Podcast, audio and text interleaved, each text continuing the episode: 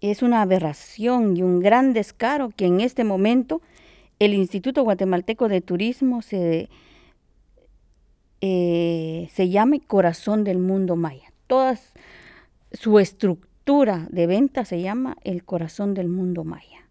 Entonces sí, usa ese concepto que antes negó y, justamente como ha pasado en toda la historia, hay un oportunismo mercantilista detrás de esto. Em, y el corazón del mundo maya eh, va a ser una etiqueta exótica también para hablar de los indios, pero para vender lo que tienen. Entonces, uno de los reclamos que hacemos ahora en el movimiento de tejedoras es que em, mientras el estado carnívoro, como dices, eh, sigue comiéndose nuestra vida a partir de, mm, a partir de vender nuestra imagen, nuestra ropa, nuestros cuerpos, eh, sigue negándole potencia política a, esos cuerpos que está vendiendo como imagen. Porque lo que le ha interesado, y eso tiene mucho que ver con, también con la palabra cultura, al reducir a los pueblos a categorías de pueblo, de culturas y no de pueblos, lo que hace, eh, quien lo define así y el Estado, es que la estética va a ser mm, casi que lo más o, lo único que va a definir a, la gente indígena o a la gente maya. Y eh, esa estética está desprovista entonces de su potencia política. Es decir, es el Estado, pero las empresas, es el poder económico quien define qué indio acepta y qué indio no acepta. Entonces nosotros entramos en, el aeropuerto y observamos las fotografías de las mujeres indígenas con sus niños y, bueno, además eh, eh, realmente lo que siempre buscan retratar eh, hay un estereotipo del ser indígena que buscan retratar, pero en los aeropuertos somos, sufrimos un terrible racismo. Bueno, y este es el Estado que, este es el tipo de maya que el Estado quiere. Mientras tanto, aquellas mujeres que estamos articuladas en un movimiento político que le busca decir al Estado, usted se está aprovechando, usted no lucha por el racismo, usted quita y no devuelve, em, o sea, somos incómodas, pero además mm, no hay posibilidad de ser escuchadas.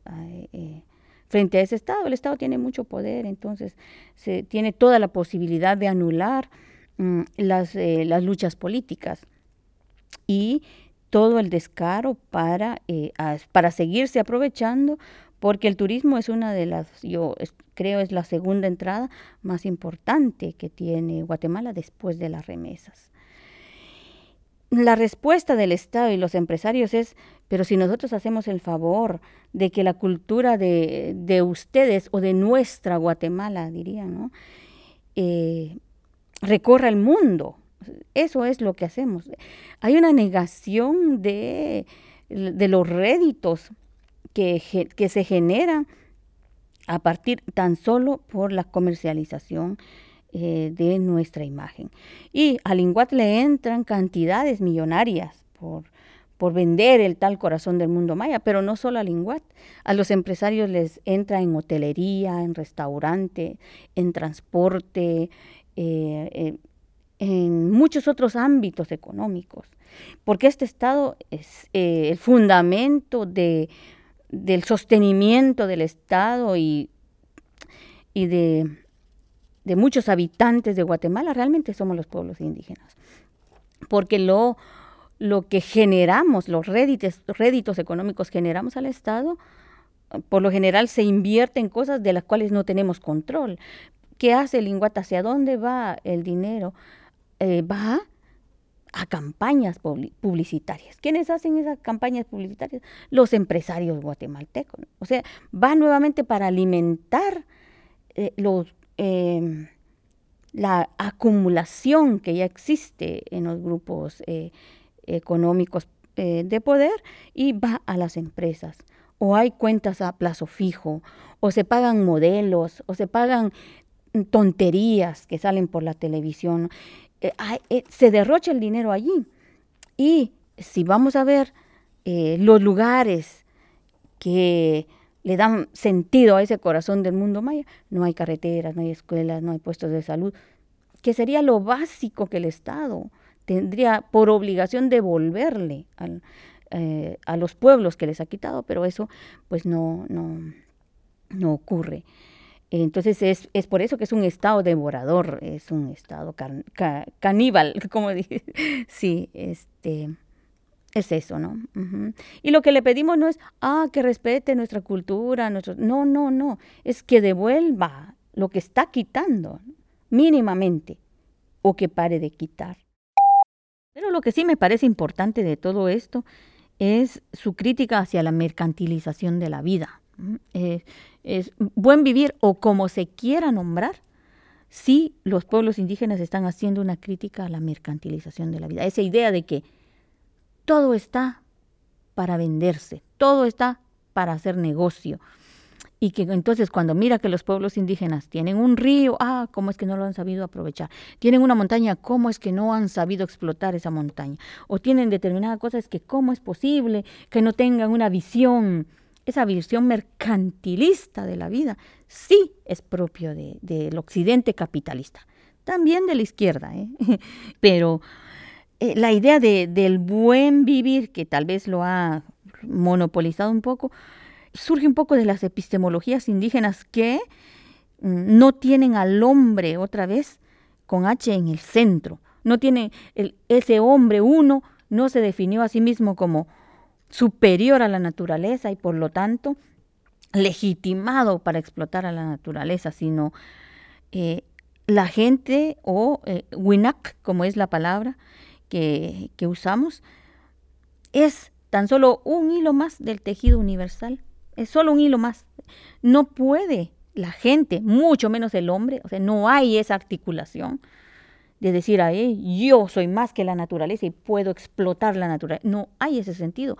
Y eso sí es cotidiano. Eso sí es, es evidente cuando la gente dice, cuando llueve, por ejemplo, yo eh, eh, me extrañé mucho cuando unas personas eh, europeas, un día estábamos, yo las acompañé y decía, joder, otra vez la lluvia de mierda, o a veces la comida, ah, es una mierda. Y yo decía, wow, eh, tal vez no está pensado en en, su, en lo que dicen, pero como vengo de otro concepto, para mí es chocante. O sea, nosotros decimos cuando llueve, Oh, gracias a la lluvia que ha venido. Es, es así como, lo, ya es como la palabra más cercana en castellano podría ser eh, sagrada, la sagrada agua, la sagrada comida, el sagrado sol, todo, todo es sagrado porque todo posibilita la vida.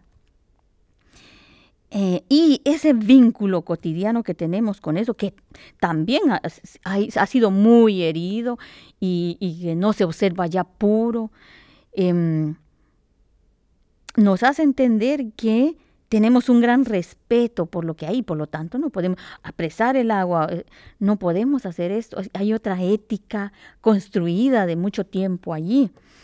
Pero eso se ve como un atraso, efectivamente es un, atraso, aquel que vive a la orilla del río, en una casa con piso de, tierra, eso es pobreza, es miseria, eh, y, eso que esté sentado en la puerta de su casa es, es un aragán. La manera en que se mira esa otra forma de vida eh, sí tiene que ver con distintos sentidos del mundo.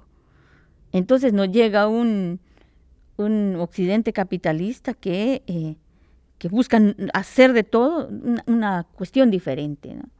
Entonces el buen vivir retorna a eso un poco y tiene mucho sentido porque eh, si pudiera servir para, para ponerle límites a la mercantilización de la vida, eso sería eh, estupendo, ¿no? sería estupendo porque, porque ¿qué más nos va a quedar en medio de esta depredación?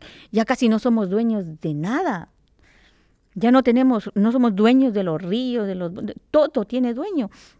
Si ahora vamos al mar, tenemos eh, el pedacito de playa que queremos usar, tiene un dueño, hay que pagar. Todo está hecho de esa manera. Queremos entrar a los sitios sagrados nuestros, tenemos que pagar. No podemos tomarnos un video, una foto, le pertenece al Estado. Y eso es lo que están haciendo con los trajes, les pertenece al es patrimonio del Estado. Todo nos ha sido quitado y nos sigue quitando. Entonces el buen vivir, si articula una forma de vida, a mí me parece sumamente importante. Pero pues eh, todo esto, este sentido del mundo indígena eh, sí está siendo bastante eh, tambaleado y mm, también quiero decir que como es muy fácil de producirse, por ejemplo, esa depredación es terrible contra la vida de las mujeres indígenas en este momento. Las mujeres indígenas en prostitución, en trata, las niñas vendidas en, para cuestiones de pornografía. Hay una depredación, hay un consumo de los cuerpos indígenas, que lo hacen hombres indígenas y no indígenas. Eh, entonces este vínculo esclavista, ese vínculo de depredación, ese vínculo de considerar al otro que, que es una cosa que no siente y que puede ser explotable y que puedo hacerlo pedazos literalmente, estamos viviendo en un mundo así. Entonces, tenemos que pensar también cómo los seres humanos, y ahí sí, em, aceptamos muy fácilmente estos mecanismos de depredación y cómo los indígenas tenemos que descubrirnos profundamente colonizados, profundamente capitalistas en muchos casos, y cómo podríamos, si no encontramos en nuestro pasado la posibilidad de ser diferentes, porque seguramente no todo está en el pasado, puede estar en el presente podemos pensar lo que queremos ser. Porque no, no, no la cultura, otra vez yo soy crítica de la cultura, no es la cultura, no es lo que ha sido, será, no, sino lo que queremos ser. Si determinada cosa no funciona más en nuestra vida, hay que cambiarla. Pero ojalá tuviéramos la libertad y el tiempo para pensar. De momento solo tenemos tiempo para defendernos de una vida muy, muy dura, ¿no? Y yo creo que por eso es que también quienes pensamos o ya no tenemos hambre y podemos usar el tiempo para pensar, tenemos como la obligación de tirar algunas ideas.